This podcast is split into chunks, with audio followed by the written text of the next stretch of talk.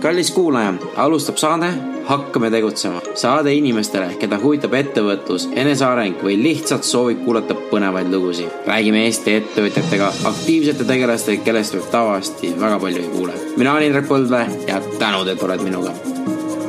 hea kuulaja, ilusat suve jätku sulle jälle ja kõigepealt väike sihuke mastermind'i info, et äh, paar kohta on veel üle, et kui kellelgi huvi, andke teada ja siis täna ma saadan, lasen uuesti Ruslan Kohugini loo, kes on siis äh,, koolitab ka ettevõtjaid ja teeb väga palju muid asju, et väga, väga hea lugu. ja väga palju uut ja huvitavat, äh, mida kindlasti tuleb veel üle korrata. ja ma võin öelda, et uue, uus hooaeg, ma arvan, et ma lasen vist septembris, kuna mul augusti viimasel nädalal on üks hästi-hästi-hästi põnev intervjuu ja ma panen selle esimeseks intervjuuks, et see tuleb nagu super äge, et äh, ma ise olen ka väga elevil, et seda teha, et igatahes äh, väga põnevad saated on tulekul. et äh, liituge mu uudiskirjaga, seal ma teen väikseid vihjeid, et annan teada, kuidas ja mis mõtted on ja kes, kes nagu tuleb, et et meie kodulehelt saab liituda meie meil, mailing list'iga. vot, aga nautige suve ja nautige Ruslani lugu, davai. tere, Ruslan tere, tere. et räägi, millega sa tegeled hmm.? No ma olen äriklubi juht ehk siis sisuliselt mänedžer. on olemas selline pigem väike klubi, äriinimeste liit siin Tallinnas, vene keelt kõnelevate äriinimeste klubi. siis ma juhatan seda juba üle aasta. no praegu saab aasta detsembris saab aasta, meil on üle saja liiget.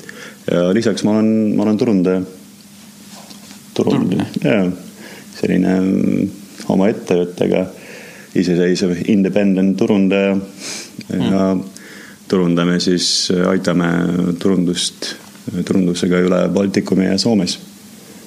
et meie klientideks on olnud sellised ettevõtted nagu Pigu Grupp, mis on Kaup kakskümmend neli, mm. ka raudtee, mis on Senukai. toimetasime nii näiteks noh, Trinity advokaadibüroo on meie klient ja no on, on häid kliente ja hoiame häid suhteid nendega ja aitame neid ja. tegu, tegus nagu ütleme siis. absoluutselt jah, ja, ja üle Pan-Baltic ja ka Soomes. Hmm aga kui räägi mulle, kuidas, kuidas sinust sai üldse ettevõtja, et selles suhtes see ei ole nagu sihuke jälle lihtne nagu teekond, mida ette võtta. Või esimene asi, et peale kooli lõppu, nüüd ma hakkan ettevõtjaks.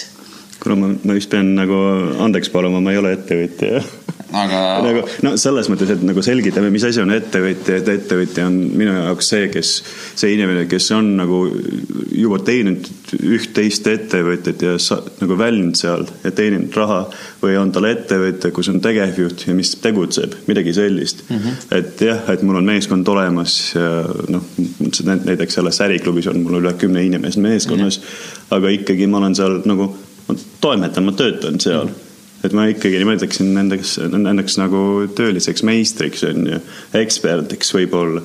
aga nagu päris ettevõtjaks, nagu ettevõtjaks, jah, ma võtan mõnda asja ette, aga ma ei ole ikkagi veel loonud ettevõtet, mida ma olen exit, millega ma olen exit'it teinud aga, aga sinu jaoks on siis see nagu definitsioon, et sa oled ettevõtja siis, kui sa oled mingi oma ettevõtte teinud ja nagu exit'i teinud või? no midagi sarnast, kus ma saan öelda, näe, see on minu ettevõte ja see toimib mm -hmm. vot see on nagu ettevõtja nagu päris nagu suure tähega ettevõtja mm. -hmm. kui sa oled ettevõtte sees, jah, et meil on nagu definitsioon ja tähendus on nagu äh, mikroettevõtja, väikeettevõtja ja nii edasi. ma ikka loen seda, et inimene on lihtsalt loonud endale töökohta mm -hmm. ja ta toimetab seal noh, heal juhul, heal juhul ta maksab endale palka. ja no ma ütleks nii, et nagu pooldul juhtumitel on parem, et mine ise tööle ja sa saad rohkem palka ja sa saad vähem nagu vastutust ja sa saad rohkem puhata. et jah, aga inimesed vahetavad selle, selle suures nagu sõna vastu nagu ettevõtja vastu, et noh mul on sellega täiesti nõus, aga näed sa siukseid inimesi palju, kes on nagu mikroettevõtted ja. ja siis nad ise nagu rabelevad ja siis nad ise kogu aeg nagu, ma ei, ma ei, ma ei saa öelda, et vinguvad, aga nad ütlevad, oo, mul on nii raske ja ma ei saa hakkama ja. nii on, meil on Eestis üheksakümmend protsenti väike pisiettevõtjad, nii et kümnes ettevõtjast üheksa on sellised. nii on, et vahet ei ole, et kui ütleme isegi ütleme nagu numbrite järgi keskmine ettevõte, ikkagi enamus keskmistes ettevõtetes on see omanik on tegevjuht ja ta ei saa seda ettevõtet delegeerida, kuna see efektiivsus ja tõhusus kohe nagu langeb voluumid langevad, käive langeb, kõik langeb ja siis ta peabki see olema, seal olema nagu kaheksa jalg, fucking oktopus on ju seal, teeb asju ja rabeleb ja vingub, no muidugi ta vingub, sellepärast nagu siin me olemegi, see on reaalsus.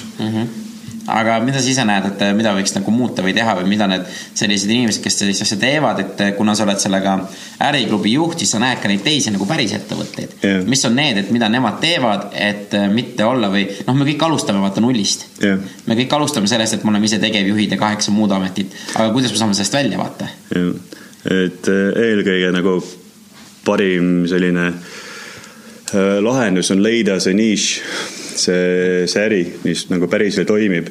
et enamus äridel on nii, et nad on valinud endale mingisuguse ala, mis on nagu, mis toob väiksema kasumi et nad arvavad, okei okay,, et minu nagu kasumimarginaal on mingi kolmkümmend protsenti ja kui nad ja nad arvestavad sellega, et okei okay,, kolmkümmend on piisav, see ei ole piisav, sa maksad kakskümmend viis protsenti nagu maksusid nagu aasta lõpus ja sa oled nullis, tegelikult sa ei arvesta enda aja, aega on ju, et tegelikult sa oled miinuses. Nemad, nende arvates on hea, tegelikult see on nagu nullala, et nad peaksid valima neid alasid, neid ärialasid, kus on rohkem kui viiskümmend protsenti kasumlikkust on ju, või noh, paremal juhul rohkem kui sada protsenti kasumlikkust on ju. et või siis suure käibega ärisid, seal võib olla ka väiksem nagu marg-, see kasumimarginaal, siis on nagu läbi selle mm, käive nad saavad rohkem kasumi sisse. Mm aga nagu suurem mure ongi see, et nad on valinud mingisuguse ala, kus on see kasumlikkus on nii väike ja nad ei suuda lihtsalt läbi elada, kuna nad ei ole selle matemaatikat enda jaoks kokku pannud. kui nad panevad selle matemaatika kokku, siis nad näevad, et kurat, see nagu lihtsalt ei toimi. kui nad kõik teeksid nagu päris nagu peab, on ju, maksaksid nagu kõik maksusid, me arvestame sellega, et nagu noh, et kõik maksavad, et no, te, tegutsevad ausalt, on ju. aga ikkagi on ju, me teame, et nagu see vastus, lõppvastus on ikkagi see, et nagu see, see ala ei toimi lihtsalt. et sisuliselt nad on sellised nullinimesed, kes, kes teevad head nagu teiste jaoks, nad on altruistid. Aga ükski ettevõtja ei hakanud ettevõtlusega selle jaoks, et olla altruist. aga keegi ei tunnista selle enda jaoks, no nii see on mm,. ei, see on tegelikult väga huvitav, mul just eelmine intervjuu oli see, et, et üks naisterahvas müüb Amazonis tooteid Jah. ja tema ütles, et äh, kui sa ei saa seda kasumimarginaali vähemalt neljaga korrutada või sa ei saa toodet, oma toodet neli korda odavamalt äh, kätte, sul ei ole mõtet üldse Amazoni minnagi nii see on. et äh, minu jaoks oli see nagu ka sihuke väga huvitav nagu fakt, et, et ma olen ka tavaliselt mõelnud, et kui ma oma ettevõtet teen, et ma panen mingi kasumimarginaali kolmkümmend, nelikümmend protsenti, et siis, siis ma peaksin hakkama saama, aga tegelikult nüüd ma saan aru, et tegelikult kasumimarginaal alla nagu siis sa ütled mingi kuuekümne või seitsmekümne protsendi, sul ei Jah. ole mõtet hakata nagu sinna turule minema, sest sa, siis, siis sa ei tege tee ettevõtet, vaid sa lood endale töökoha heal juhul heal juhul. ja, ja sa- sa ei tahaks mitte kunagi sellisel tööl olla mm.. kui sa nagu päriselt tuleksid tööle, kus su inimene ütleks, kuule, nii, sa oled nagu kaheksast nagu kaheteistkümne õhtuni tööl on ju mm, -hmm. seitse päeva nädalas ilma puhkuseta, ükski ettevõtja ei võta puhkust, on ju. Ja kõige vastutustega, kui miskit peaks juhtuma, siis sina vastutad oma, oma rahakottidega, oma nagu noh, kõigega on ju, oma hea nimega, mitte keegi ei tahaks olla. ja kusjuures ma ütleksin, et kui sa tahad olla ettevõtja, siis mine alusta Amazonist, siis seal sul läheb see matemaatika paika mm.. noh, selles mõttes, et see matemaatika pärast on ju, et nagu inimesed saaksid aru, et okei okay,, on ju, see on see marginaal on ju, inimesed väga tihti ei teagi, mis asi on matemaatika. lihtsalt arvavad, okei okay,, ma teen ära, on ju, aga noh ja, aga ma arvan, et et vot see- on nii hea teema tegelikult, et vaata, et sellest, see ongi see, et, et me kõik kujutame ette, et me tee, teeme selle oma ettevõtte, hakkame neid miljoneid teenima ja, ja saame seda. aga, aga nagu sinu jutust ma praegu, noh, see lihtsalt juba algusest ma juba võtan seda, et, et kõige mõistlikum, mis oleks teha, oleks see võta Excel lahti või võta mingi arvutuspaber lahti ja tee lihtsalt need kõrge matemaatika ära lihtsalt või no lihtne matemaatika palju sa seda toodet müüd, mis hinnaga sa müüd, palju sul jääb järgi ja kui sa kellegi palkad, et palju sa ära maksad ja kas sa saad nagu hakkama. ja, ja sellest on vähe, siiski vähe, kuna nagu no su esimene küsimus enne, kui me nagu intervjuud alustasime nagu startup'ide kohta, sa küsisid, on ju, kas me tegeleme startup idega, ei tegele.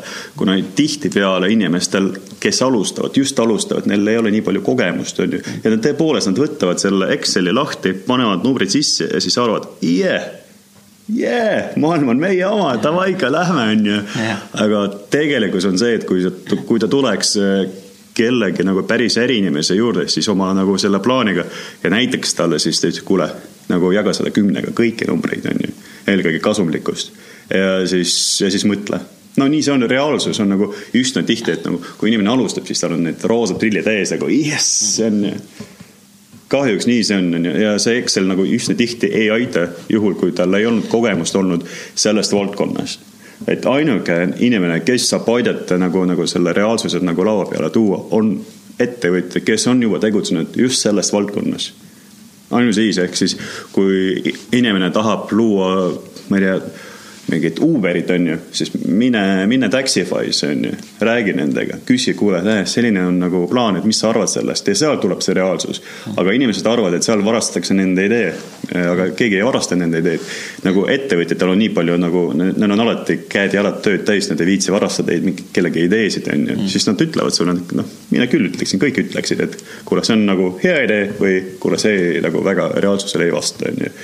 ja ütleme nii, et ikkagi üheksakümmend nagu viis protsenti ja ideedest ei vasta reaalsusele, ehk siis seal on nagu, on idee ja siis on arvamus mm. ja siis on see uhkus, on ju, mis tegelikult see on, see ongi see tapja, inimese tapja. see ego, ego, ego, ja et ego. jee, ma teen ära, on ju. aga tegelikult ei tee ja nagu ütleme, äriklubi idee ongi selles, et selle reaalsust nagu laua peale tuua. et meil on üle saja inimest äh, nagu kelle käivad on nagu mõne käiv on üle, üle kümne miljoni, noh, pigem on selline keskmine ja väike ettevõtja.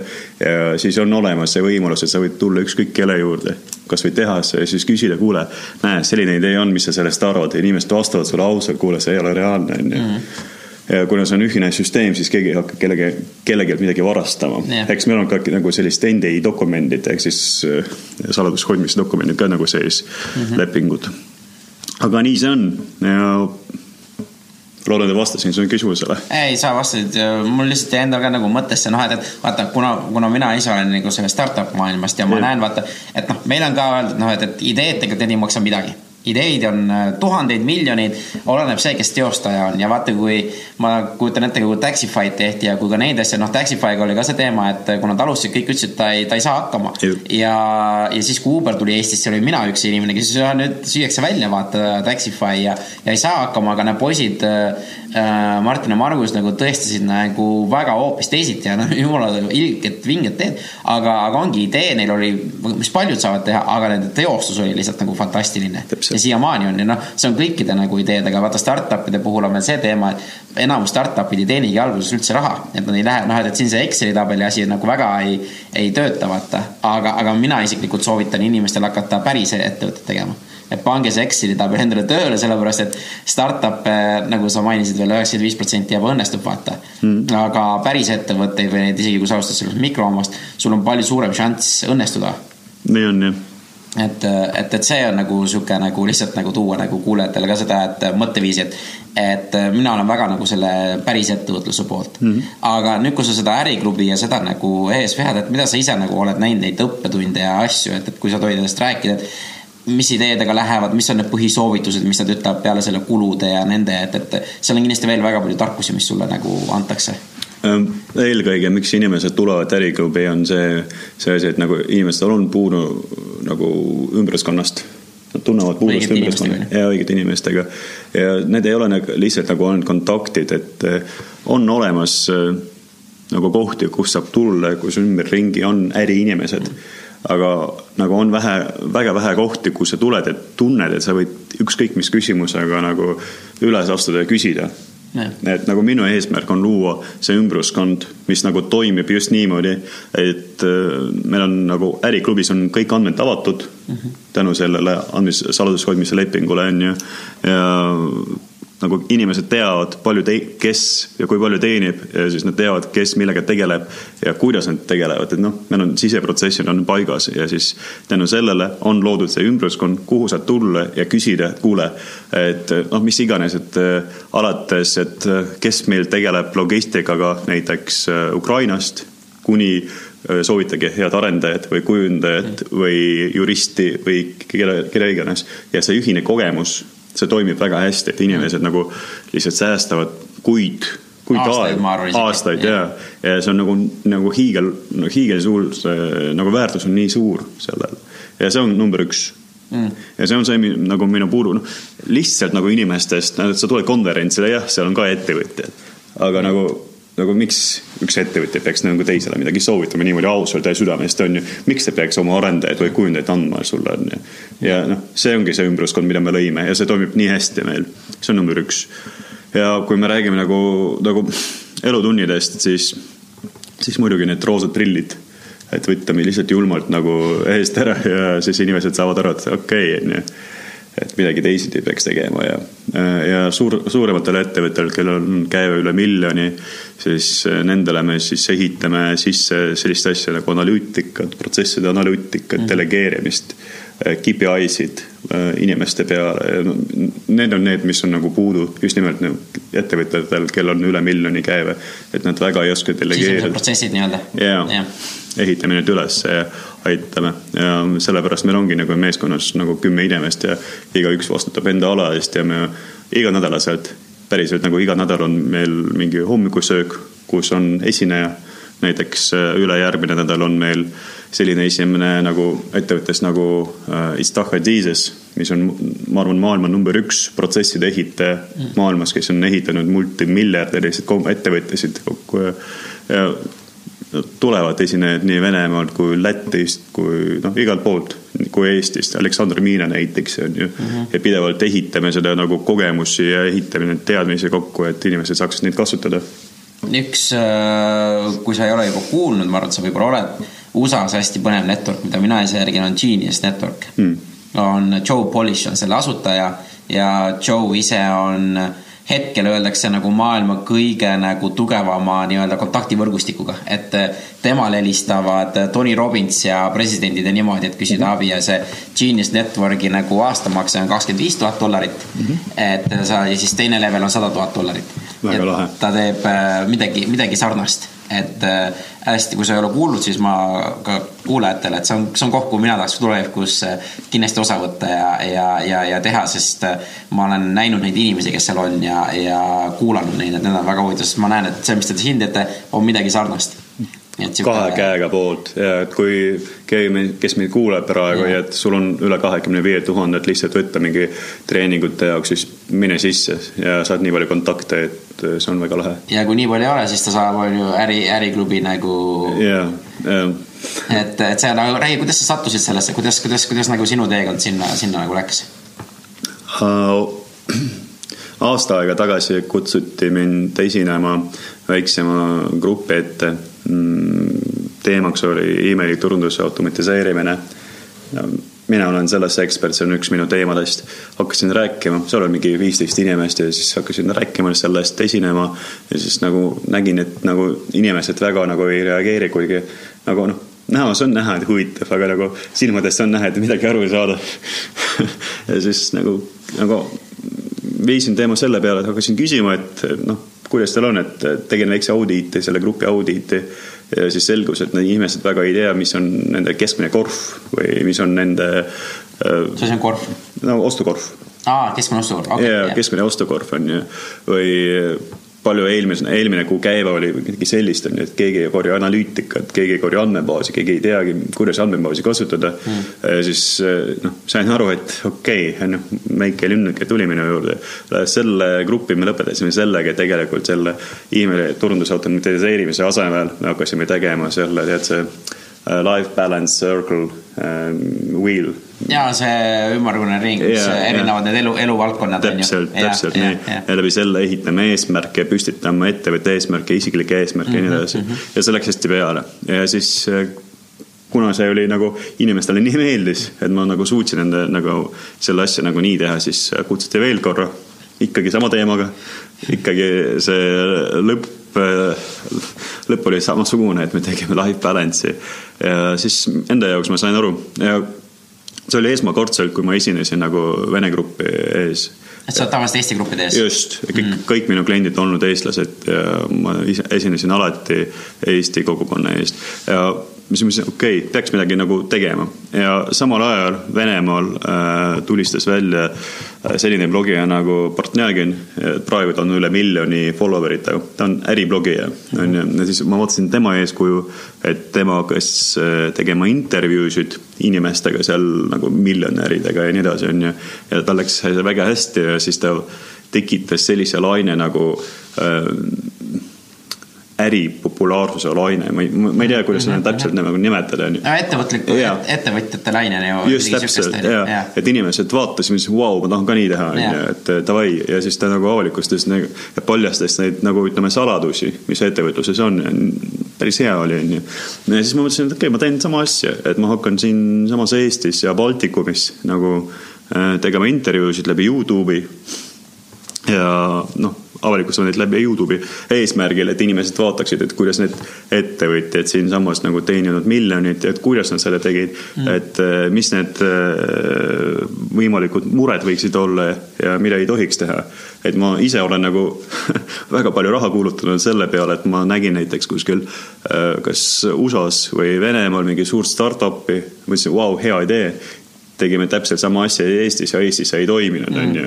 et mõni asi toimis nagu Groupon või Taxify või siin toimis, onju, aga noh, mõni asi ei toiminud. ja, ja, no Cherry tegelikult, noh, vaata Grupp, noh, Cherry ta mingi aeg toimis, aga tal ikkagi probleemid tekkisid. jaa, aga no igas ettevõtluses on nagu On. hetk exit'it teha õigel ajal, onju. absoluutselt. just ja, ja nii oligi ja, et noh, ma olen kulunud väga palju raha ja mõtlesin, okei okay,, ma teen sellise asja, et näitan enda jaoks ka nagu oleks päris huvitav teha sellist nagu intervjuusid ja uurida, kuidas suurtel ettevõtetel läheb, kuna see on minu nagu kui turundaja kogemus on ju Jah. ja siis hakkasin selle tegema ja kokkuvõte oli see, kuna see oli vene keeles, nagu kokkuvõte oli see, et nagu siin seda väga keegi ei vaadanud nagu Eestis siis? jaa, et siin keegi ei vaadanud, et no ütleme, kui ma tegin Eestis seda, siis ma arvan, minu suurim äh, vaatamisnumber oli kaheksa tuhat.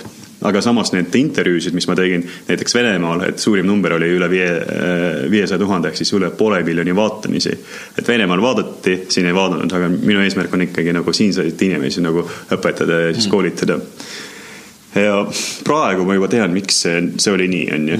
Et äh, põhjus nagu jällegi meie andmete järgi on see, et äh, meil on hetkel Eestis eelmise aastaga registreeritud nagu toimivaid ettevõtteid üle saja viiekümne tuhandeid ja nendest on toimivad ettevõtteid, kes, kel on venekeelne juht on kaheksateist tuhat.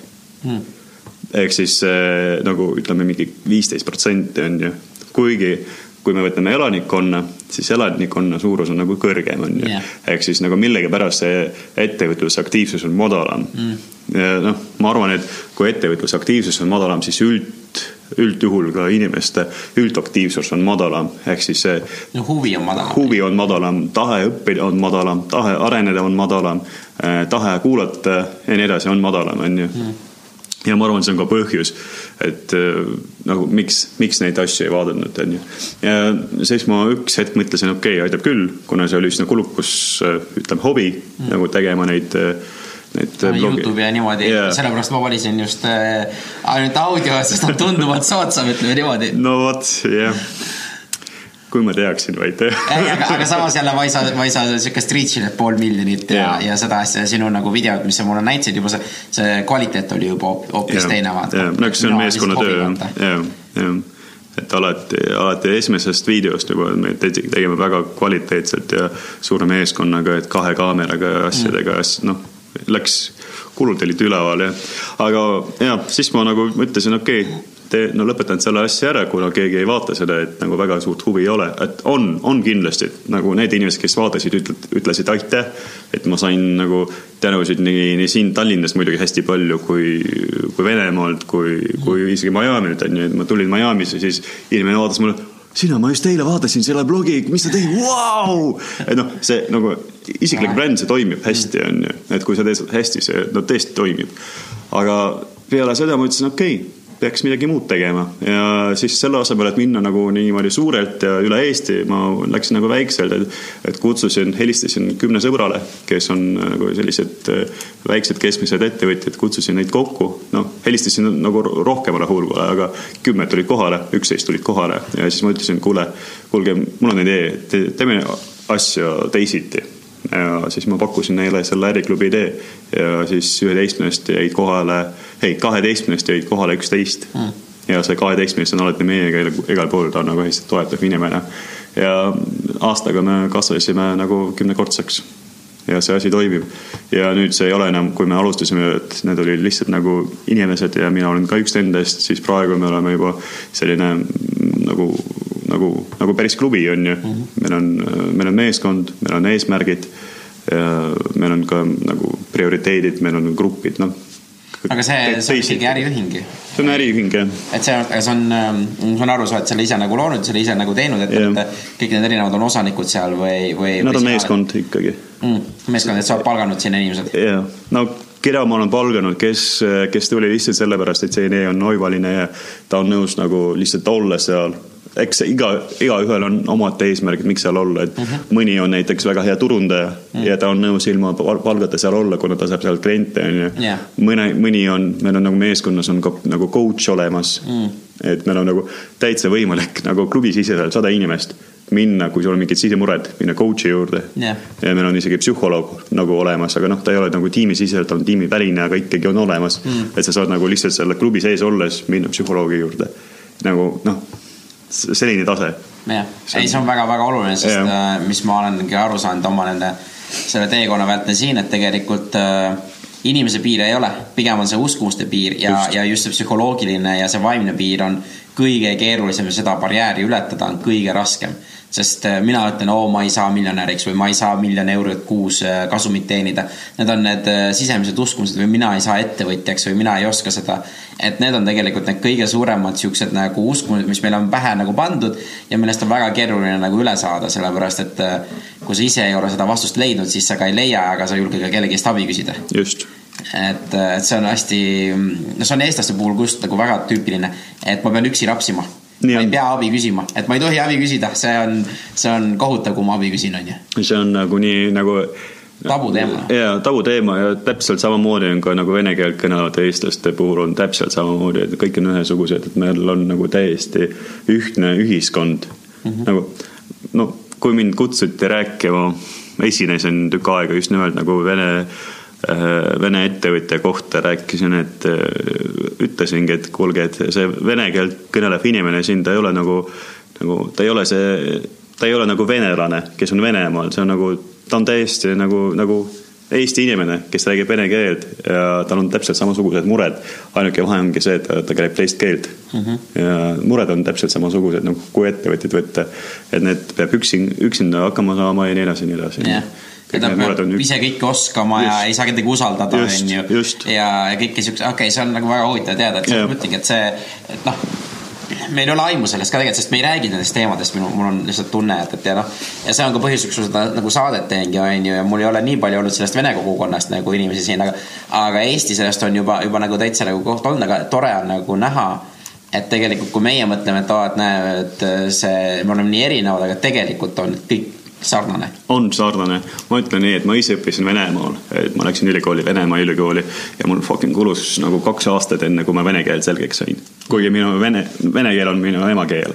kaks aastat enne, kui ma nagu päris nagu vene keelt selgeks sain, kuigi ma rääkisin vene keelt, kuna meie vene keel, mida me siin räägime, on nagu täitsa erinev nende vene keeltest. et nagu no kasvõi sõnavaralt on ju, meie sõnavara on, ma ei tea, viis korda väiksem kui seal. nagu nii see on et lihtsalt kuna siin on nagu kõik need noh, kas noh, siin ei ole sellist nagu asja nagu päris nagu venekeelset kultuuri, kust see sõnavarg peab tulema, et noh, jah, meil on Jah. teatrid olemas, aga need noh, inimesed ei käi teatrites mm. -hmm. mitte kuskil ei käi inimesed teatris, viis protsenti inimest käivad teatris üldjuhul on ju Jah. ja kui nad ei käi ja ei saa seda kultuuri, siis kust nad saavad sõnavara, ei saagi. järelikult nad tarbivad seda teist kultuuri ja see on õige, aga noh, samas nagu see keel on nagu üsna nagu, ta on nagu suremas, ma ütleks nii, et see sõnavara langeb pidevalt, on ju, ja mõned sõnad juba on asendatud nagu teiste nagu teiste keeltest sõnadega. jah, no see on see adapteerumine, mis ongi ja see on nagu täiesti mõistlik. Jah, see on mõistlik, absoluutselt. et äh, see on lihtsalt aja see, aga ütle mulle seda, et vaata enne kui sa nagu selle äriklubi ja nendega hakkasid, sa olid on ju noh, ma saan aru, sa olid mõnes mõttes nagu ka freelancer, turundaja mm., mailing ja nende ekspert, Just. et sellega sa alustasid, et sa küll ei nimeta seda ettevõtjaks ennast, aga, aga pigem sa olid tegelikult ikkagi nagu selles mikroettevõtja niimoodi vaatevinklist, et sa, ma saan aru, et sa ei töötanud kuskil, sa tegid ikka ise oma asju. ja, ja ma, ma olin ikkagi nagu, ei noh, selles mõttes ma ikka toimetasin kuskil, ega minu teekond ei ole, ei alganud kohe nagu, et nagu ütleme niimoodi ettevõtlusega Jah. et ma tükk aega olin tööl näiteks Top Connecti, Top Connecti, see on su- suurim telekomettevõte, mis on nagu suurim telekomi eksportija Eestis ja nii edasi, on ju. eks ma ikka alustasin kuskilt, aga, aga öö, noh, ma ikka arvan, et see on ikkagi freelance on ju, et öö, kui noh, seda me juba rääkisime alguses on ju, et et jah aga, aga mind just huvitabki, kui, kui keeruline, noh, et ma, kui sa ütlesid, sa rääkisid vene keelt ja seda, et sa oled nagu yeah. vene, vene selle taustaga, et, et kas sa, et noh, et, et ongi, kui, kui lihtne sul oli integreerida ennast nagu siia Eesti keskkonda ja hakata nagu siit üles töötama ja tegema, et, et et äh, me kuuleme jälle seda palju, et just need, et keelebarjäärid on ja, ja ei osata ja siis äh, diskrimineerimine käib ühelt poolt ja teiselt poolt, et, et just, et kuidas, kuidas sinu see hakkamasaamine oli ja, ja, ja mida sina tegid selleks? Äh, kuule, alustan sellest äh, viimasest poolest, et ma ei ole elu sees mitte kuskil mitte kellegi käest äh, saanud diskrimineerida. mitte kunagi. nagu ma ei tea ega ma, ma ei ole väga poksija nagu selles mõttes ma ei tea, miks, aga noh, ei ole saanud, ma ei tea, ma nagu huviga vaatan telekat, vaatan, kuidas mõni poliitik nagu julgeb niimoodi rääkida, nagu ta räägib, on ju, nagu päriselt diskrimineerib nagu tervet ühiskonda, kaasa arvatud enda ühiskonna, kus ta elab. no nii sa oled nagu päriselt nagu sittuda oma nagu ühiskonda, nii. aga nagu päriselus, et noh, ma ütlen nii, et kui minu juurde tuleb inimene, kes ei oska eesti keelt kes on siin nagu, siin nagu sündinud ja elanud, siis minu küsimus talle, et mida kuradit sa teed siin, on ju. et kui ma, ma ei, ma ei usu, et see on diskrimineerimine. selles mõttes, et ma, ma leian, et kui inimene on sündinud siin, on elanud siin ja soovib nagu, nagu riigilt midagi saada, siis ole hea, õpi eesti keelt selgeks, õpi riigikeelt, vahet ei ole, kas see on Saksamaa või siis Rootsi või siis vahet ei ole, mis riik, et kui sa oled siin ja tahad midagi saada, siis ole hea, õpi ära ja siis, siis sa oled see, see kodanik nagu, kes saab midagi anda ühiskonda ka, on ju. et vastasel juhul nagu minu suhtumine on täpselt samasugune, et palun õpi mm.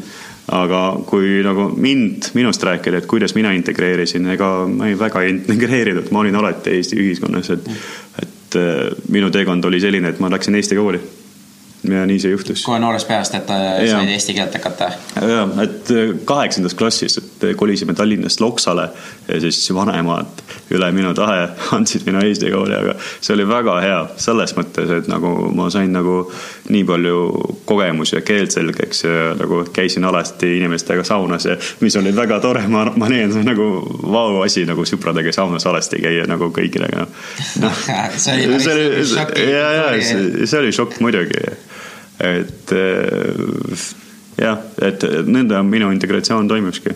ja mm. siis peale Venemaa ma läksin Brüsselisse. aga miks sa Venemaale läksid üldse õppima, mida sa läksid? Äh, ma läksin avalikke suhte, poliitilisi avalikke suhteid õppima. no minu teekond oli selline, et ainuke ülikool, kuhu ma päriselt tahtsin minna, oli äh, Rootsi majandusülikool. miks? Mis Riias asub mm. -hmm. on ju, ja sinna ma ei pääsenud mõne punktiga, jäin ilma sellest kohast ja ega ma rohkem nagu sisse kohti nagu noh, sisse ei andnud mitte kuskile dokumente ja mul oli mingisugune läbi olümpia, midagi ma olen võitnud, mis andis mulle võimaluse minna ükskõik miks Venemaa ülikooli õppima. ja seda ma võtsingi nagu, võtsin Peterburi, kuna ta oli nagu äh, lähedam kui Moskva või mõni teine linn ja siis läksin sinna õppima, PR-i mm et noh, praegu, praegu ma oleks valinud Moskvat, see on nagu pigem minu linn kui Peterburi, aga noh, tol, tol ajal oli teist te,, läks teist, teisiti. ja nii see oligi, õppisin ära, et viis aastat äh, poliitilist PR-i, et. Äh, päris korralik. ja, ja et ütleme, et PR, see on nagu see, mis on, noh see, mis meil on, see PR on ju pressisuhtlus, on ju, see on natuke teistmoodi, mis selles, mis mina õppisin, mina õppisin just nimelt poliitiliste kampaaniade nagu moodustamist ja selliste asja tegemist, on ju. ja siis läbi selle ma sain nagu Brüsseli, mitte läbi selle, aga ma sain Brüsselisse läbi, läbi sotsdemme. tol ajal ma olin veel noh, ma ei olnud poliitik, kes, aga ma olin nagu parteis, on ju. Mhm. peale seda ma läksin üldse poliitikast välja. mitte poliitikast, aga parteist välja, ma ei olnud üldse poliitikas mitte kunagi. aga jah, et sain aasta olla seal Euroopa Parlamendis. aga mul on just see, et, et noh, kuna mu ühte ühte põneva, mul ei tule meelde, mis lugu see oli, aga ma kuulsin ka, kuidas üks turundaja rääkis, kes oli ka seda poliitilisi kampaaniaid teinud, vaata mm.. ja tema ütles, et äh, need inimesed, kes teevad neid poliitilisi kampaaniaid, on tegelikult äh, nemad on ühed parimad turundajad, sellepärast et vaata, kui sa võtad mingi turundusagentuuri, annad neile mingi eelarve, annad neile pooleaastase selle ja siis, kui ta fail ib, siis fail ib, mis selle noh, et, et siis võetakse teine agentuur. aga poliitilises kampaanias on see, et sa pead iga päev igasuguste uudiste asjades, pead kogu aeg ennast nagu ümber reageerima, tegema, keegi tuleb mingisuguse halva uudisega välja. sa pead kohe olema valmis reageerima ja seal ei ole seda, et, et, et sa ebaõnnestu, kui sa ebaõnnestub kandidaati ei valita ja sa pead kogu aeg nagu sihuke, kuidas ütelda, varvastel olema panema, vaata. Et, et sellepärast sa- noh, et ma kujutan ette, see mõtlemine on sul nagu teiste nagu turundajast, nendest on hoopis teistmoodi, vaata et kas sa saad mõned näiteks mingi näpunäited tuua, et mida näiteks mingid inimesed saavad ise nagu kas oma ettevõtete puhul või kuskil nagu kasutama hakata või mis nad valesti on või saaksid teistmoodi teha, vaata just nagu turunduskampaaniate puhul, et mida muuta. soovitus oleks selline, et äh, tee ise eelkõige, et sa ära nagu no, no, no rääkisime ju sellest, et nagu inimesed väga ei usalda turundusettevõtteid ja seal on ka nagu oma teatud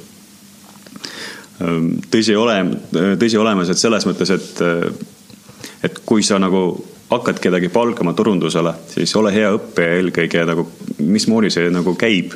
et, et a la, et kui sa tahad kellegi võtta AdWordsi peale, siis ole hea, mine käi kuskil koolitusel, uuri välja, mis asi on AdWords, on ju, et mis on nagu need põhitugipunktid millele sa peaksid keskenduma ja siis palga inimesi, kui need inimesed tulevad ja istuvad sinuga laua taga, siis ütle nii, ma tahan näiteks remarketingut, on ju. ja mina sooviksin mingi XML-i põhinevad mingid bännerid, kes, mis noh, mis iganes, on ju, aga sa teaksid neid asju juba ja siis nagu läbi enda kogemuse, siis sa oskaksid nagu inimesi palgata just nende asjadele ja siis sa oskaksid ka tulemusi kontrollida et üldjuhul turunduses toimib nii, et turu, nagu ettevõtjad väga ei saa aru, mis asi on turundus mm. -hmm. ja siis neile siis äh, pakutakse igasugust asja ja need inimesed võtavad ja nad muidugi eksivad. kuna nagu üsna tihti äh, sorry, kolleegid, aga üsna tihti turundusettevõtted soovivad teenida raha, mitte et turundada hästi Jah. et minu eesmärgiks on ikkagi see, et ROI ehk siis see kasumlikkus turunduskanali peal oleks positiivne ja seda me nagu oma ettevõttes ja oma grupiga alati jälgime. ehk siis, kui keegi tuleb ja kui me näeme, et see eelarve või see kanal on valitud valesti, siis me ei tegele sellega. kuigi me võiksime sellest raha teenida, on ju, öelda okei okay, jah, lähme sellega, see on tore, on ju. et mis iganes TV-reklaam, mis maksab kakskümmend tonni, teeme ära, on ju ja kui me näeme, et eelmine kogemus, eelmise aasta kogemus samast valdkonnast samale ettevõttele või siis teisele ettevõttele on näidanud, et see ei toiminud, siis nagu ma ei hakka seal oma komisjoni võtma ja ma ütlen, kuule, ärme tee seda, et võtame kasvõi emaili turundust või võtame mingisuguse bänderreklaami ja kahjuks enamus turundus, ma ei ütle enamus, see on vale sõna, aga on turundusettevõtted, kes on nagu lihtsalt turu peal lihtsalt selle jaoks, et teenida raha. et nagu ja see on arusaadav, see on nende leib. Neil on ka nagu töölised, kes on tööl ja neil on kontor ja nii edasi ja nii edasi, on ju. aga tulles tagasi küsimuse juurde, see ongi see vastus, et kui sa lähed kuskile nagu midagi tellima, siis ole hea, uuri, mida sa tellid ja uuri nagu täpsemalt, et kuluta sinna aega, kuna kui sa leiad, et AdWords võib olla sinu põhireklaamikanal, siis ole hea, saa sellest aru, et mismoodi see toimib, kui sa arvad nii. Selles mõttes, et kui see on isegi, kui sa oled tellinud ja see isegi läheb hästi, aga sa ei saa aru, no kujutad ette, et sa, su ettevõte hakkas kasvama, kõik nagu toimib, järelikult AdWordsi kanal hakkas ka kasvama ja mingi hetk AdWords hakkas nagu miinust sisse tooma. Ja sa ei saa aru, miks on ju ja sa ei tea ja keegi ei tea, miks, aga sul usaldus selle ettevõtte vastu on niivõrd suur, on ju. ja nagu nemad ka ei tea, miks, on ju. ja siis see, see vastu, noh, sa pead nagunii kulutama seda aega, sa nagu pead nagunii sinna minema, aga sinu ettevõte on juba nii suur ja sa pead igal pool olema, on ju, siis sul ei jätku aega, siis sa oled stressis, sinu perekond on stressis, sa ei võta puhkust ainult sellepärast, et sa alguses ei viitsinud seda vastutust enda peale võtma ja ei, ei uurinud, mis asi see on, mida sa oled tellinud. ja see on number üks, ega muud seal ei ole, et kui inimene on tellimas midagi, siis ole hea, mine võta koolitust, kuluta kuu aega, noh, üldiselt, et see, see võib olla mingi kolm-neli päeva, võib-olla kaks-kolm tundi per päev, onju. aga see kulub ära ja siis sa oskad nagu tellida seda asja. mm,. ja sa tead, mida sa tellid, onju. täpselt nii. aga, aga mis, mis sa nagu selle puhul teed, et ma tean, ma olen siin ka neid turunduste asjadega, et äh, rääkinud, et äh, mul on enda see asi, ma tean, mis ma tahan ja ma tean, kuidas nad vaata need juhid, ma teen niimoodi ja siis äh, ma juba tulen sinu juurde või turundajate juurde oma, oma selle kindla visiooniga ja nemad ütlevad, kuule ei, see, see on nagu täiesti vale, aga, aga mina, mina surun oma seda, oma visiooni peale, vaata, neid on nii palju, näiteks ma tean, tahan turundada mingi kuueteistaastastele, ma arvan, et ma tean, mis nad tahavad. ma tulen sinuga turundaja juurde, siis kuule, see ei tööta sinna, aga ma ei kuule, teen ikka nagu valesti, et, et ma arvan, neid äh, egodega neid inimesi on nagu väga palju, kes arvavad, et, et nad teevad enda jaoks seda turunduskampaaniat, vaata et kuidas Ja- sa nendega nagu suhtled või kuidas sa nagu seda mõtteviisi nagu, et kuulge, et proovige niimoodi mõelda, et viisakalt ka veel nagu Mm. ütlema. ei, meie ei tee sellist, selles mõttes me, me nagu ütleme, iga kolmandale me ütleme ei mm.. nagu päriselt, selles mõttes me ütleme hästi viisakalt, me suuname äh, seda inimest kuskile mujale, ütleme, et kuulge, et me ei ole nõus selle tegema nende ja nende, nende põhjustel, et palun, siin on teised agentuurid, keda me usaldame, palun minge nende juurde. kuna jällegi meie tahame nagu ka enda kogemust kasvatada nagu, nagu ja meie kogemus kasvab just nimelt edukatest case idest on ju, et jah, et miinusstsenaariumites ka nagu kogemus tuleb, mis on Jaa, ka päris hea on ju. no põhikogemus tuleb tegelikult need, mis eba, ebaõnnestuvad. Jaa, täpselt, jah. kui sa, kui sa õnnestud kõigis, siis sa ju ei õpi ju tegelikult, sa tead, ahah, okei okay,, teeme samamoodi copy paste. Jah. et äh, no ja ütleme nii, et alguses küll mm, -hmm. aga pärast nagu ütleme nagu enda puhul ma ütlen, noh, tead, on olemas nagu sellised nagu inimesed nagu treiderid on ju, kes Jah. börsis nagu äh, raha pa- panevad ja ostavad aktsiaid ja nii edasi. Neil on selline asi nagu track record mm. -hmm. Track record tähendab seda, et äh, palju on olnud viimaste aastate jooksul, tavaliselt võetakse seitse kuni kümme aastat on ju, et mitu viga nad on teinud seal mm. -hmm. ja ma ütleks nii, et kui igal turundajal oleks track record, oleks tore, et palju häid äh, otsuseid on vastu võtnud, et minu isiklik track record viimase ütleme nelja-viie aasta jooksul on olnud nagu väga-väga-väga positiivne ja see on see nagu, mida ma jälgin ja see on see nagu siis nagu ma valin ka nagu nende inimeste seas, kelle track record on minu jaoks positiivne, kellega ma nagu koostööd teen mm.. kas Soomes, Leedus või Lätis, vahet ei ole, mul on tarvis selliseid inimesi meeskonda. kuna ma tean, siis nad ei eksi, siis ma tean, et see eelarve ei põle läbi et jah, et ma väga ei tahaks nagu teha sellist kogemust, et inimene tuleb, kuule, näe, siin on viiskümmend tuhat AdWords eelarveks ja siis me põletame selle maha ja ütleme, oh näe, see on meie kogemus, et Jah. see on sinu kogemus ka klient, et viiskümmend eurot kogemus. see on, see on väga, väga kallis, Tony Robbins, ma pean ütlema. on, on, on, on, aga mis on need KPI-d, mida sa jälgid, kui sa, kui sa võtadki neid inimesi või palka neid inimesi, mis see, mis see track record on sinu jaoks? no track record ongi, et ma vaatan, kellega nad on toimetanud, ma vaatan, mis kampaaniad on nad teinud ja siis, kui mul on mingi küsimus, siis ma helistan nende partneritele ja küsin, et kuule, kuidas läks sellega. Kusjuures on teine soovitus, et kui te palgate kellegi, siis vaadake, kes on nende kliendid, küsige nende käest no, nende case'ide kohta, mis ei läinud hästi ja mis sul läksid hästi ja siis helistage läbi. kohe, tõsi, tuleb nagu, nagu päevavalgusele, kuna nagu number üks, mida turundaja peaks oskama, on kommunikatsioon. Et kui keegi nende klientidest ütleb, et kuulge, jah, läks väga nagu okei okay,, onju, aga nagu mingi aeg kommunikatsioon karus, et eh, sel, sel hetkel te peaksite punkti panema, et kui kommunikatsioon turundaja ja teie vahel kaob, tähendab, et turundaja ei tegele enam teiega, fookus on kuskil mujal. järelikult kõik teie kampaaniad, kõik teie raha lihtsalt läheb ja ma olen kindel, et nendest inimestest, kes on praegu midagi tellinud, ütleme kümnest juhtumitest, ma arvan, et mingi vähemalt kolm-neli te oskate kohe nagu käed tõsta, et sul, sul on praegu selline seis olemas, et keegi loob sulle praegu veebilehte või kujundab midagi või AdWords, mis iganes ja teil ei ole kommunikatsiooni, et kui teie vahet, vahel ei ole sellist nagu pidevalt nagu suhtlus, siis pange punkt ära, kuna see inimene ei tegele teiega turundu, noh, nagu sa ütlesid selle poliitikaga, seal peabki kogu aeg valvel olema, see fookus peab olema partneri profiilil, peab aru saama, mis seal toimub. kui fookust ei ole, see asi lihtsalt ei toimi. mm.. aga kommunikatsiooni all, mis sa nagu silmas pead, et see on see, et, et ta teeb sulle mingi weekly update'id või ta teeb sulle day by day või vastab hästi kiiresti küsimustele või kuidas sinu jaoks see kommunikatsioon nagu efektiivselt töötab? ja no meie, meie jaoks on see, et kui me näiteks võtame AdWordsi sisse või mingit SEO-d, mis iganes, siis meil on nagu igakuiselt on no, nagu raportid olemas, onju. aga noh, see on, seda võib ka automaatselt teha Jah. aga üsna tihti on nii, et inimesed on midagi lubanud, et ülehomsest saab kujundus valmis või mis iganes ja see ei valmi ja see ongi ka kommunikatsioon ja siis inimene ei ütle päev ette või siis samal hetkel, kuule, ei, ma ei jõua ikkagi Jah. ta lihtsalt nagu ja siis ettevõtja peab nagu, nagu noh, see on juba nagu ausalt, see on nagu ebaaus. see on ebaaus ka ettevõtja poole, ta peab nagu selle sammu ette võtma, mina arvan, et kui te võtate telefoni ja hakkate helistama ja küsima, miks te olete ebaaus enda, enda vastu. ma arvan, nagu aus oleks juba kohe punkti panna, kuna see inimene ei austa teid see noh, no ma, ma arvan, et meie ühiskonnas seda, mis on puudu, on nagu just nimelt austust, on ju.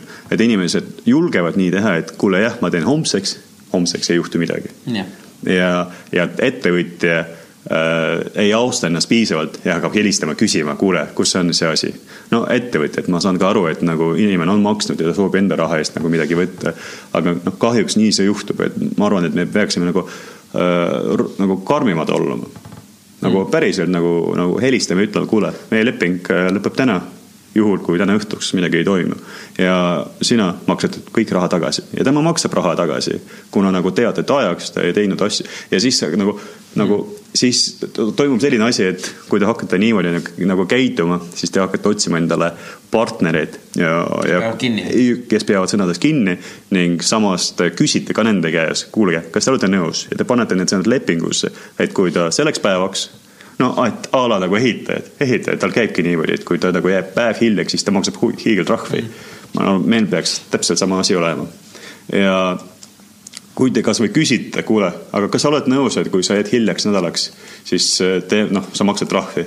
Ja siis kohe tuleb jällegi see, see, see, mis, kes see arendaja või kujundaja on, et kohe selgub, et inimene, kes alati teeb kehvasti, ta ütleb ei või ütleb ei, kuule, noh, hakkab, hakkab mängima midagi. jah, ja või siis ongi see, et mingi raha tagasi garantii, kui ma ei tee mingi selleks päevaks, Just, just. siis, siis ongi nagu noh, see on Jah. jälle usaldus iseenda vastu ja, ja samas ma arvan, et ka need inimesed oskavad oma aega palju paremini planeerida mm. -hmm. sest kui tal on see usaldus enda vastu olemas, siis tegelikult ei tohiks ju tegelikult olla nendel teistel ettevõtetel ka, ei tohiks olla ebausku selle inimese vastu. Täpselt. sellepärast inimene on juba ära planeerinud ja ma võtangi täpselt nii palju kliente just. ja sellepärast minu hind ongi kuuskümmend protsenti kallim või viiskümmend protsenti kallim, et mul kasumimarginaalid ja need on seal sees, jah jah, jah. ja nii on, kuigi ma ütlen, et vahet ei ole, kui suur või väike ettevõte, et ütleme nagu ma olen nagu näinud, kus on hästi suured arendusettevõtted või kujundusettevõtted, ta on teinud nii, et inimene on olnud mingi pool aastat enne, kui ta tööd kätte saab.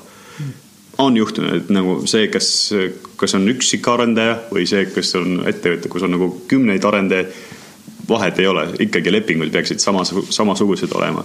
aga kokkuvõte on see, et nagu, kui ma olen nagu vestelnud edukatega, edukate ettevõtjatega ja nende lood kuulnud, on, nad on alati öelnud, et nagu nende edu võti on meeskond ja head partnerid.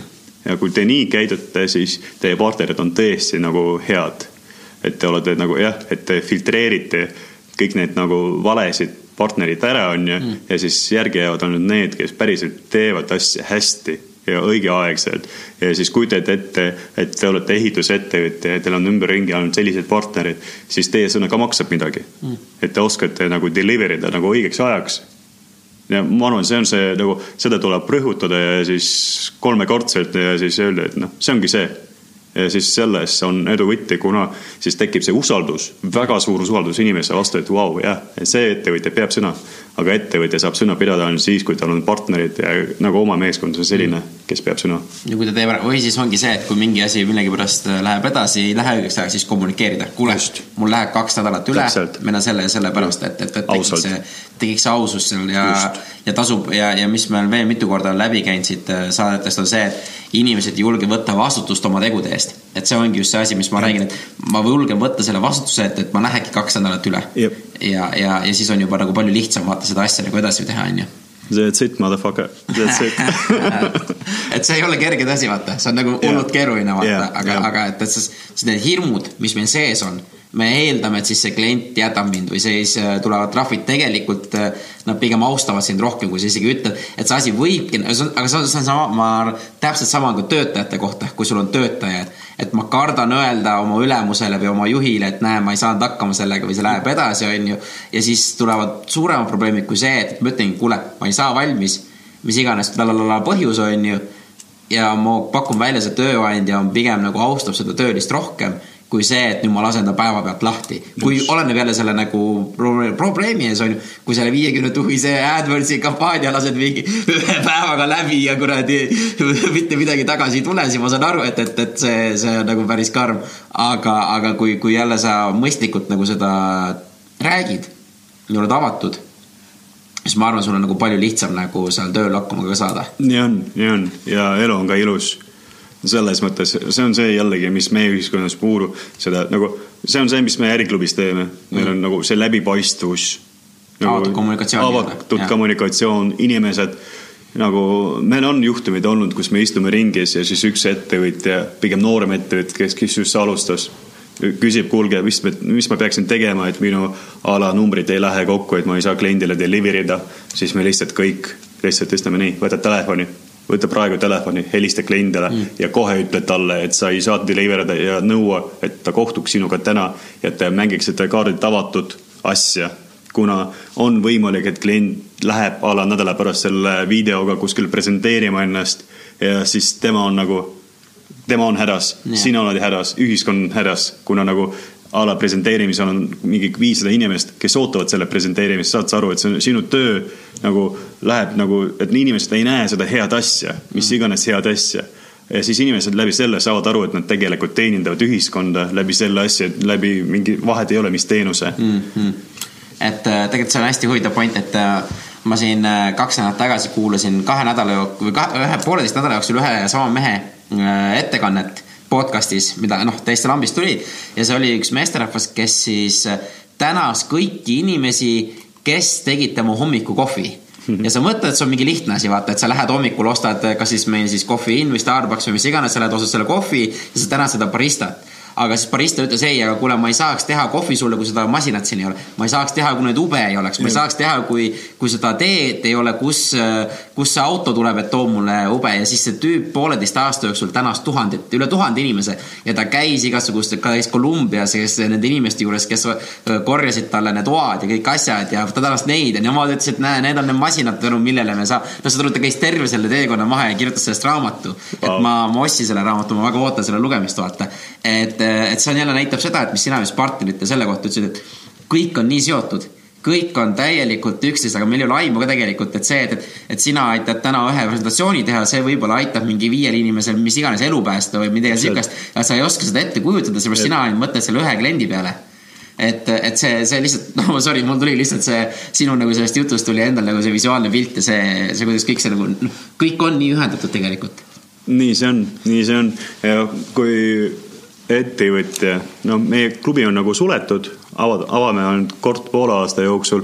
me teeme sellise suure avamise, eelmine kord esines Andres, me, Andres Anvelt meie juures, järgmine kord esineb keegi teine, ma ei hakka praegu ütlema.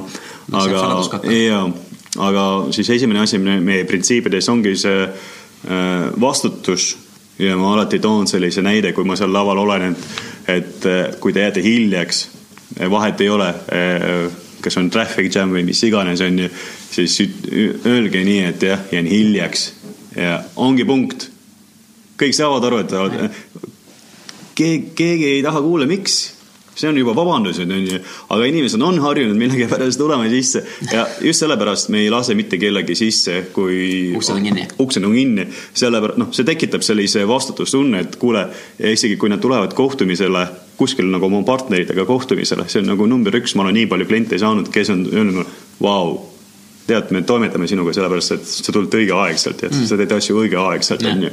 ja see on see, et inimesed on väga eksperdid selles, et, et selles, et vabandusi leida mm.. ei, on, on, ma ise ka, mul on, mul on kõikide kohta vabandus olemas. mul on nagu, mul on rohkem vabandusi kui, kui muid asju, mul tuleb kõikide asjade kohta vabandusi. aga see on nii huvitav, sellepärast see on see meie nagu selle inimloomuse sihuke naturaalne asi, mis on teine asi, mis on sihuke nagu loomulik, mille pärast ma leian, eeldan, kust need vabadused tulevad, on see, et vaata, kui see meie aju on negatiivselt juba, kuidas ütlen, programmeeritud, et, et meie nagu aju ülesanne on meid ellu, elus hoida. Jah. ja kui midagi läheb sinul elus halvasti või, või teed mingi projekti ja see läheb halvasti või midagi siukest, siis enamus inimesi hakkab peas ütlema, ma vaikselt see hääl, mis meil on, ma ei saanud hakkama, ma olen, ma ei ole piisav, ma ei ole hea. See on kohe negatiivne. Ja siis hakkavad vabandused tulema. et näe, ma vaban- vabandan nendega ja vaata, vot seda häält on vaja muuta ja see on see, mis me alguses nagu, mis me mainisime, mille pärast mulle väga meeldib, et on psühholoogid olemas Jah. et see on see hääl,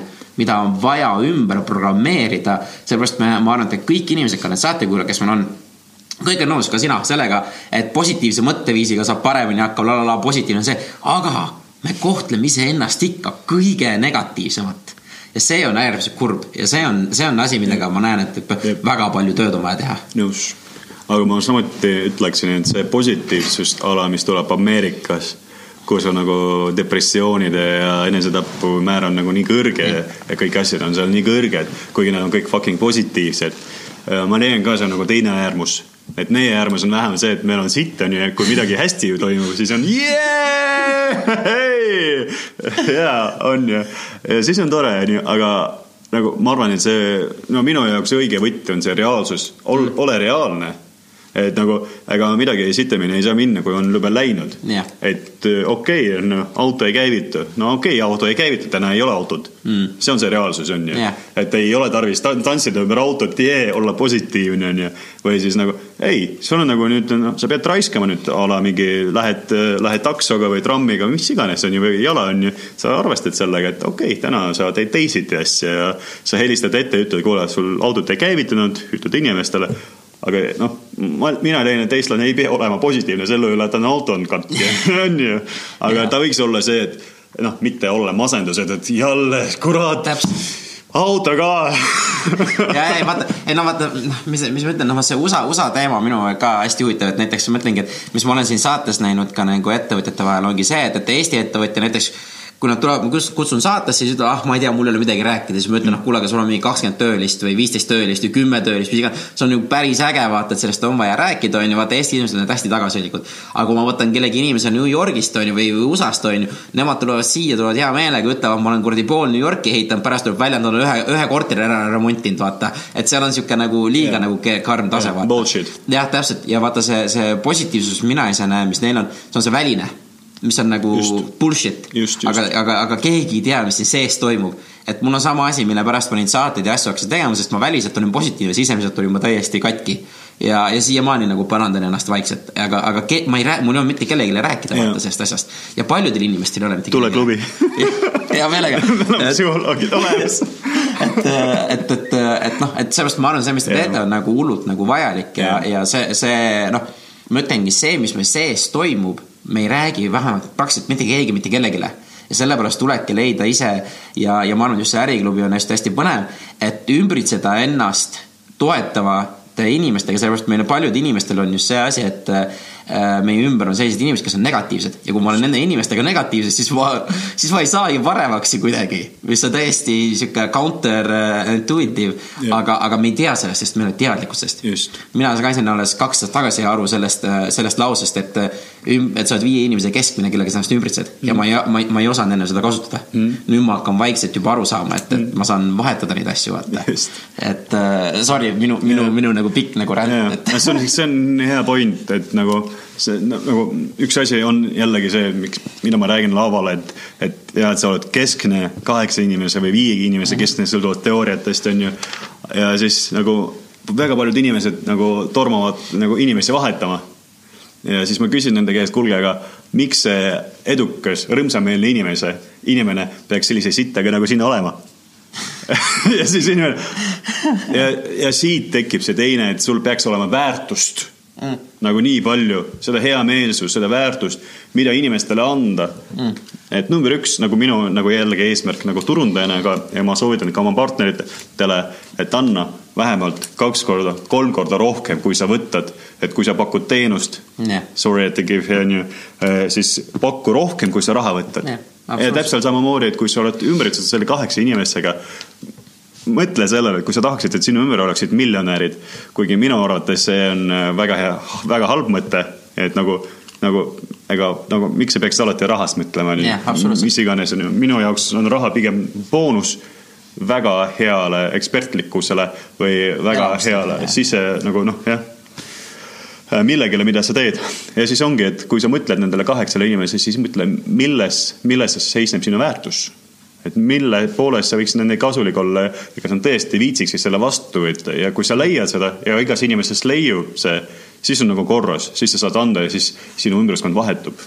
ja ei, ma olen nõus sellega. Ja tähtis ongi see, et kui sa rahalist väärtust ongi see, et, et mis ma teha saan, ongi see, et äkki ma oskan intervjuusid teha, äkki on see, et mul on mingi see asi, äkki on see, et ma võin olla sul assistent näiteks või panna sul mingi neid asju, et, et sa ei pea, noh, nende, vot mina olen aru saanud sellest, et nendel ettevõtjatel, nendel edukatel kõige suurem väärtus on aeg Jah. kui sa suudad nende aega natuke, kümme minutit päevas kokku hoida, sa oled juba väga palju väärtust neile tegelikult lisanud, aga mis Jah. asi on, see on juba teine asi, mis sa Jah. nagu Jah. saad mõelda just, nõus. aga super, siis ma panen hea koht, kus ma panen äh, pausi ja ma küsin sult küsimusi, mida ma küsin ka kõigilt teistelt oma, oma kaotikülalistelt, aga nii, et siis esimene olekski, et äh, kas sul on endal mingi kindel hommikurutiin, kuidas sa nagu hommikul endast käima lükkad või käivitad? ja kindlasti on mul rutiin on kirjas üle aasta juba. kirjas. ja kirjas, et see on see, mida ma peaksin tegema. nagu kõikidele, ma arvan, aga nagu ei, väga, väga tihti seda ei juhtu. et äh, ma just üleeile mõtlesin nii, et, et mismoodi see, mis iganes see edukas inimene nagu enda hommikut alustab, arvatavasti tõuseb ta kell viis ja läheb trenni ja nii edasi, onju. oleks tore ju. ei, mina alustan oma päeva kell seitse, et äh, jah, rutiinis on kirjas, et ma peaksin nagu minna jooksma mingi tund aega, jah, vahest ma teen seda, aga üsna tihti ma ei tee seda, aga siis ma peaksin mediteerima, seda ma ka üsna tihti ei tee. aga miks sa ei tee? sest ma ei viitsi Hmm. ma ütlen ausalt, ma olen see laisk inimene, onju. ma tean, et see on nagu hästi kasulik. üldjuhul ma soovitan kõikidele, kes on, kes tahab äh, enda fookust saada kuskile tagasi või siis keskenduda või siis nagu asju nagu teele saada, siis nagu minge mediteerige. Kolme päevaga ja siis elu muutub. ja ma tean seda, aga ma ise nagu väga ei viitsi, ma ei tea, ma ei tea, ei oska öelda. aga neid, ma lihtsalt soovitan need, meil on see mediteerimine on väga palju siin läbi tulnud. Yeah., et neid vorme on väga palju erinevaid, et äh, ma ei tea, mis vormi sina teed, kas ongi see, et sa istud, istud silmad kinni ja teed, on ju, see on üks viis, on ju, aga mis siin ongi, mõnel inimesel on see olnud, et äh, nad on läinud jalutama hommikul viis minutit või kümme minutit kuskil mingi metsas või, või kus iganes või siis on see, et võtnud selle pastaka ja paberi ja kirjutab mõtteid nagu paberi peale Okei. et ma ütlengi, neid meditatsioonivorme on väga palju erinevaid, mida nagu erinevaid testida iseendal. ongi see, et üks, üks kõigile ei sobigi.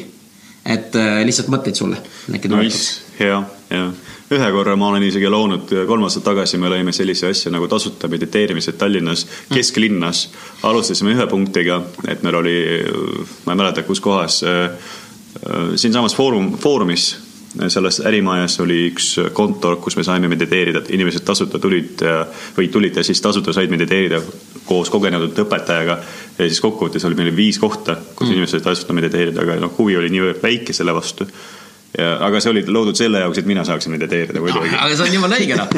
aga ma arvan, et niimoodi tulebki teha kusjuures. That's a, that's a business. jah, kahjuks ma ei väga ei mediteeri, aga nagu, mida ma väga tihti teen, ma loen raamatut mm.. kas loen raamatut või panen äh, läbi Youtube'i midagi kasulikku mängima, et äh, nagu ütleme, kümnest korrast kaheksa on see mingisugune intervjuu äriinimesega mm. ja äri ning eduka inimesega, kes sealt ma kuulen hästi palju motiveerimist ja hästi palju häid asju, mida ma saan kohe kasutama hakata.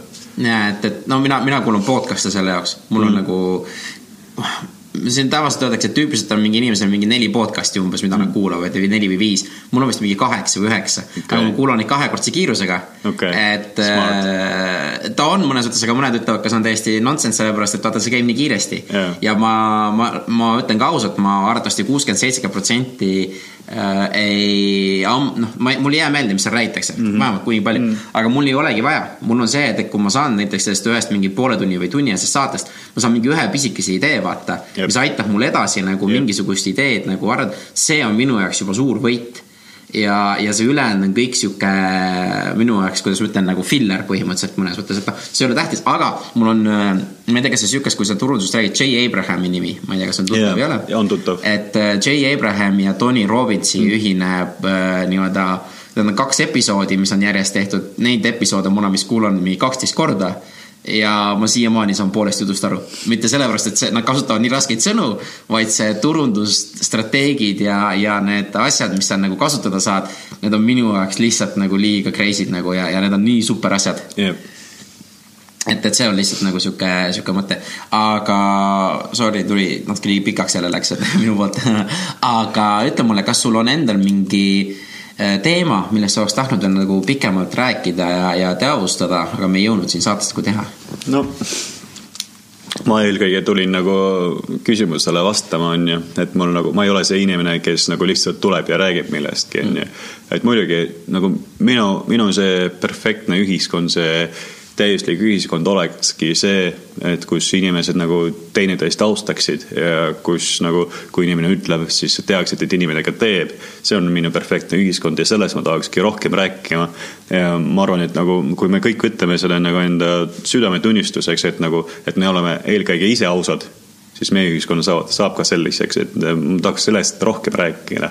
nagu, et inimesed räägiksid sellest nagu teineteisele, et kuule, ole aus, onju. ja siis alustage iseenesest, iseendast. Aga nii on. no aga näed sa seda tihti, et inimesed ikkagi lasevad nagu üle neid kuupäevi ja asju, et, et me rääkisime Jaa. sellest natukene Jaa, aga aga näed sa seda nagu väga tihti või? jah, igapäevaselt. no selles mõttes, et nagu see on ümberringi. et äh, kas, kasvõi no see on päriselt, see on nagu igapäevaselt, see on igal pool ümberringi, et üleeile läksin autot äh, pesema, et seekord aega ei olnud, siis läksin Olerexi. Tavaliselt ma pesen sellest käsipesulas Raidis. Ja siis äh, tahtsin lihtsalt nagu suure pesu, teades, et nagu harjupesu võib nagu nagu halba teha. ja siis nagu ikkagi räägiti ära, et eh, kuule, võta harjapesu on ju, harjapesu on hea on ju. tegin ära ja siis olidki kriimud nagu kujutad ette, mustal Mersul on ju uus auto, kriimud peal, siis okei okay,, nice on ju. ja siis eh, tuli see juht, teenindusjaama juht ja rääkisime ära, tegime avalduse, kirjutas siis, kuule täna või homme helistakse, kõik on korras, ära muretse on ju. ja siis äh, peale seda, kui kaks päeva oli möödas, kolmandal päeval ma kirjutasin ise, siis tuli kiri, et jah, vaatame üle, et eh, kirjutame tagasi viie päeva jooksul. no sorry, this shit doesn't work for me, on ju. ja see on, ja see on, suur ettevõte ja kui suures ettevõttes protsessid on sellised, et kus üks inimene lubab midagi ja seda lubadust ei täideta kliendi eest, siis järelikult terves ettevõttes on see sitt olemas. nii see on, kahju, sorry, Olerex. minu, minu uskumus on selline ja kui Olerex peaks kuulama, siis ma hea meelega kuulaksin nagu, võtaksin toru vastu ja räägiksin kellegagi teisega, et noh, seda ma ootasingi tegelikult, keegi helistab, onju. Ja ma leian, et noh, selline ühiskond oleks tore ja sellises ühiskonnas oleks tore elada ja see on ümberringi niimoodi, et inimesed, suured ettevõtted, väiksed ettevõtted on harjunud sellisega, sellise asjaga on ju, et noh, selline asi toimib. või võtame meie restorani, et ma olen üt, nagu üsna selline tore inimene, et ma andestan üsna tihti ja hästi lihtsalt andestan, on ju. aga kui me võtame restorani, ma leian, et restoranid on meie nagu riigi nägu ja nii see on ja üks meie nagu suurtest ressurssidest on turism. See on üks kolmest ressurssidest, mis meil on, et meil on igasugused kaevandused on ju, on meil inimesed olemas nagu, nagu startup'id ja kõik need asjad ja on olemas kindlasti turism. ja kui ma tulen mingi hea restorani, jällegi nagu no ma ei hakka praegu juba nimetama yeah,, muidu pärast telefon on üldse kinni mul on ju. ja siis seal on nagu noh, asjad üldse ei liigu, ei toimi ega midagi, siis ma kutsun alati ja ma, ma kutsun ka teid nagu kutsuma mänedžeri ja siis ütlevad nendest sellist asja, et kuule, et mina olen okei okay,, et mina olen eestlane, mina andestan, ma tulen teist korda ka võib-olla või ma lähen teise restorani, mul on suva, on ju, mul on, ma tean palju restorani. aga kui ke- keegi teine turist tuleb kasvõi Ameerikast, fucking üle poole maailma siia Eestisse ja siis ta tuleb sinu restorani ja ta saab sellist sitta teenindust, sitta toitu ja nii edasi, on ju. et mõtle, mis ta Eestist arvab et kas ta tõesti arvab Eestis, et me oleme number one mingi e-government country, kus me ei suuda isegi heas restoranis, kus me ise ütleme, et see on hea restoran, head toitu, teenust pakkuda. päriselt. peale seda nagu mänedžerid üsna nagu kiiresti muudavad asju sees, kui ta saab aru, et nagu ta ei tee sinu jaoks, aga teeb riigi jaoks ja see on tema nägu nagu riigi, kuna on nii on, hotellid ja restoranid on meie riigi nägu turismi jaoks ja ma leian, et see on nagu fucking number üks, mille, millega me peaksime tegema selle jaoks, et ellu jääda üldse. eriti kui me oleme siin Baltikumis, eriti kui kõik võitlevad selle turiste eest. absoluutselt Ja- ja, just jootrahad ja nende eest ka, noh, see Jaa. ju kõik ju teenindajad ja kõik need ju tegelikult peaksid väga tugevalt nagu, nii see on, jah. et äh, siin ma olen nagu, ma ütleks nagu see on üsna selline noh, see ei ole nagu väga positiivne jutt, aga ma ütlen, see on väga realistlik jutt mm. ja ma, ma leian, et nagu igaüks peakski tulema just nimelt mitte sellepärast, et pahane on, kuigi ta võiks olla pahane, aga just selle jaoks, et nagu teha head riigi jaoks nagu võtta enda peale seda vastutust, et fucking turist tuleb, tuleb järgmine päev siia, saab sama teenindust ja siis kirjutab TripAdvisorisse ja ütleb oma naisele, et kuule, me ei tule mitte kunagi Eestisse. Lihtsalt statistika jaoks, et meil eh, tagasi tuleva turisti protsent Eestis on fucking kolm protsenti no nii vähe või? kolm fucking protsenti, kujutage ette ja noh. Ma ei kujutanud ettegi seda. ja noh, mina ei teinud seda statistika, seda ma sain nagu kellegi spetsialisti ja mm. käes nagu see aasta ja siis sama, samal Maldiivis on kolmkümmend protsenti.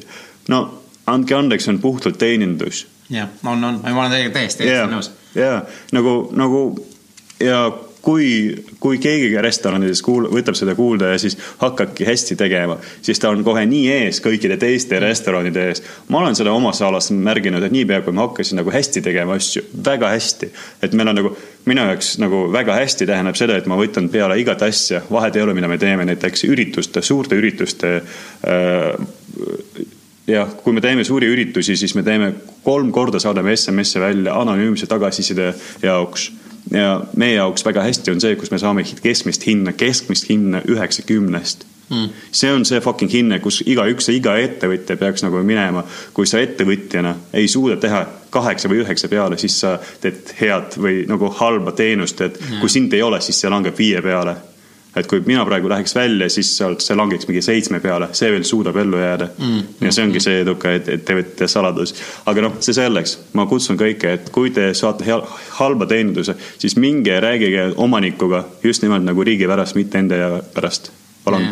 ma pakun välja, noh ka minul on see, et, et äh, kui ma saan mingit halba teenistust ja niimoodi, siis ma väga tihti ei lähe rääkima, sellepärast on jälle see pea, peas käib see hääl, et ah, mis mina vaatan Jah. mis, et, et mis, mis ütleja mina olen või, või, või miks ma pean seda ütlema, aga tegelikult samas, kui sa noh, kui sa toodki nagu sellise suurema pildi, vaata mm. perspektiivi sinna, siis tegelikult ongi, et, et mitte see, et ma saan halba teenistust, okei okay,, ma saan halba teenistust, aga nagu sa ise ütledki, et äh, ma pean võtma selle seisukoha, et kurat, turistide pärast võiks ju tegelikult ju seda lihtsalt mainida, mitte nagu halva pärast, vaid lihtsalt öelda, et kuulge, et te saate nagu seda asja nagu noh, ma, see, mis te siin tegite, ei olnud just kõige parem, vaata. Just, ja, ja seda saab paremaks ja mis ma, mis ma olen nagu tegelikult nende mis me siin just nagu enne ka rääkisime, selle vabanduste ja nende pärast, et tegelikult kui sa, et fakt on see, et kõigil lähevad asjad metsa Jep. see on, see on nagu, see on nagu üle, noh, selle vastu ei tasu üldse nagu üldse hakata vaielema, et mingil teemal läheb. et tähtis ei ole see, et, et see asi metsa läheb, vaid tähtis on see, et kuidas sa selle tagajärjega toime tuled, vaata ja see on nagu hästi oluline, sama on, ma arvan, ka turistide ja sina restoranis ja, ja ülejäänud asjad ja see autopesu teema. et okei okay,, need asjad juhtuvad, ma arvan, et sa ka oled mõistlik inimene mm. -hmm ja, aga tähtis ongi see, et kuidas see nagu ettevõte või see, et, et ta seda lahendab, et ongi see, et, et võtabki sulle näiteks kõne mingisugune teeninduse ülem või kes iganes, kuule, näe, vabandust, see juhtus ja, ja teeme niimoodi Jep. või meil on niimoodi ja siis on hoopis, hoopis nagu ja siis ta võib kesta mingi kolm-neli-viis päeva rohkem. aga sul on see kiire põle-, tulekahju, mis sinu jaoks on oluline emotsionaalselt, see on ära lahendatud, et siis saab juba edasi minna, vaata. just, ja, ja seda ei tehta minu meelest. just. Praktiliselt üldse nagu. nõus, et see on, see on jah, sihuke kurb, me oleme seda ise oma, oma sek-, noh, oma selles nagu ettevõttes ka nagu väga palju näinud mm. -hmm. et ja ma võin ka öelda, ma ise ka teinekord eksin selle vastu. et eh, noh, see on jälle, see on jälle inimlik, noh mm -hmm.. et ma ütlengi, mingid, mingid piirid peavad olema, aga, aga ei, see on väga, väga huvitav seisukoht. ja ma, ma lisasin seda, et sain nädal aega tagasi rääkida üs- väga-väga-väga targa inimesega, kes on teenindus, teenindusjuht ühes suures ettevõttes ja tema, tema ütles sellist asja, et nagu me oleme kõik teenindusettevõtted mm. ja ja see on see number üks, mida me peaksime nagu, millest me peaksime aru saama, et sellest nagu hetkest, kus me turu üles võtame, algab teenindus me teenime raha sellepärast, et me teenindame mm.. Ja noh, see on äh, see paradigma, mis peaks nagu inimeste, meie inimeste peas muutuma, et ikkagi inimesed arvavad, arvavad, arvavad, et äri on selle jaoks, et nagu, et jah, äri on selle jaoks, et äri, raha teenida, aga läbi teeninduse mm. ja inimesed ei oska teenindada. See on, see on jällegi, see on nagu suur teema ja kõik ikkagi võiks nagu olen-, võiks mõelda sellele. ma olen sada protsenti nõus, meil käis siin üks äh, põnev ettevõte nimega Toggle hmm. ja tema turundusjuht ja tema ütles, et kui tema peaks hakkama uuesti oma ettevõtet või noh, ta ta on turundusjuht seal, aga ta ütles, kui ta peaks oma startup'i või mis iganes ettevõtte tegema, siis põhimõtteliselt esimesse kohta, kuhu ta investeeriks, oleks klienditeenindus et see on kõige parem turundus, et sul ei ole raha, et, et osta neid kümne või kahekümne tuhandelisi AdWordsi kampaaniaid ja neid teha, aga kui sa teed super head klienditeenindust äh, omale klientidele, siis see asi hakkab, hakkab nagu äh, suust suhu nagu laienema. jep, ja, ja ma arvan, et see on nagu väga-väga tugev nagu osa selles, et, et see on, ei, see on väga hea teema, et sa selle nagu üles võtsid. et äh, see, sellest võib eraldi saateid teha päris palju, vaata Jaa. sest teenindus, see on absoluutselt kõiges jah, ükskõik kus sa teed, sa teed, sa teed teenindust ja tegelikult, mis mina tegelikult olen siin väga palju mõelnud, on just need kullerettevõtted või kes inimesed, kus on, me lähe- muutume rohkem ja rohkem digitaalseks, vaata mm.. aga ettevõtted, kus sul on see, et, et kas kes kullerette, kullerfirte mees või siis inimene käib remonti, teeb kodus. et äh, enamus ettevõtted ei treeni nende inimeste, kullerite ja nende äh, klienditeenindust no ongi see, et, et äh, mõnel tuleb see loomulikult, aga enamustel tulebki see, et näe, võta pakk ja anna allkiri, ma lähen minema. Ei ole mingit naeratust, ei ole see, et kas veel midagi või noh, kaks-kolm lisaküsimust küsida ja sul on hoopis teine või see, et, et käid telekat kodus remontimas või niimoodi, võtad, tead, et sul on lapsed või nii, võtad, võtad selle kaisulooma kaasa, investeerid selle neli eurot, aga, aga sinu ettevõtte maine tõuseb tuhande euro võrra. Nii see on. Pisikesed asjad, aga neid ei tehta kahjuks. jah, jah et, et need ongi, sorry, et läheb jälle pikaks see teema. aga ma arvan, see, see on jällegi see küsimus, et nagu no see paradigma peas, et nagu seda peaks tegema mitte selle jaoks, et ettevõtte maine tõuseks, aga selle jaoks, et sinu kliendid õnnelikumaks saaksid. absoluutselt, see on nagu, et inimesed nagu turundusjuhid, tegevjuhid teevad nagu maine pärast, aga mitte oma klientide pärast mm.. Ja kui tehakse klientide jaoks, siis kliendid tulevad tagasi, ütlevad sulle aitäh kolmekordselt ja siis maine tõuseb. täpselt, et nagu see, see lüli jääb vahele lihtsalt mm. inimesed ei saa aru, et kuhu see, noh, nad ei teagi, et see lüli on olemas nagu kliendi heaolu Jah., emotsionaalne heaolu. jah. ja ma, noh, see on, see on ka tegelikult, kui sa nüüd oma ettevõtet alustad või oma seda, et, et, et sa teedki sellepärast, et teistel on hea, mitte sellepärast, et raha teenida, et raha see tuleb iseenesest, ma saan aru, raha on vaja ja hingata ja kõike on vaja, aga aga pigem ongi see, et ükskõik, mis sa ka ei tee, sa teedki sellepärast, et teisi inimesi nagu õnnelikuks teha ja sul on hoopis suurem motivaator, kui, kui see, et mul nüüd raha on taga, sest sest kui sa teedki raha pärast, et sa saad mingi edukaks ja noh, see on jälle rahaline edu, millest me räägime. et kui see juhtub, on ju, siis sul on väga palju raha, aga võib-olla sa ei ole õnneliku, õnnelik, on ju, et mm., et, et see on nagu sul on motivatsiooni puudus siis mm.. aga kui sul on kogu aeg see motivatsioon, et ma tahan rohkem ja rohkem inimesi õnnelikumaks teha, sul mo- motivatsiooni puudust ei tohiks kunagi tulla.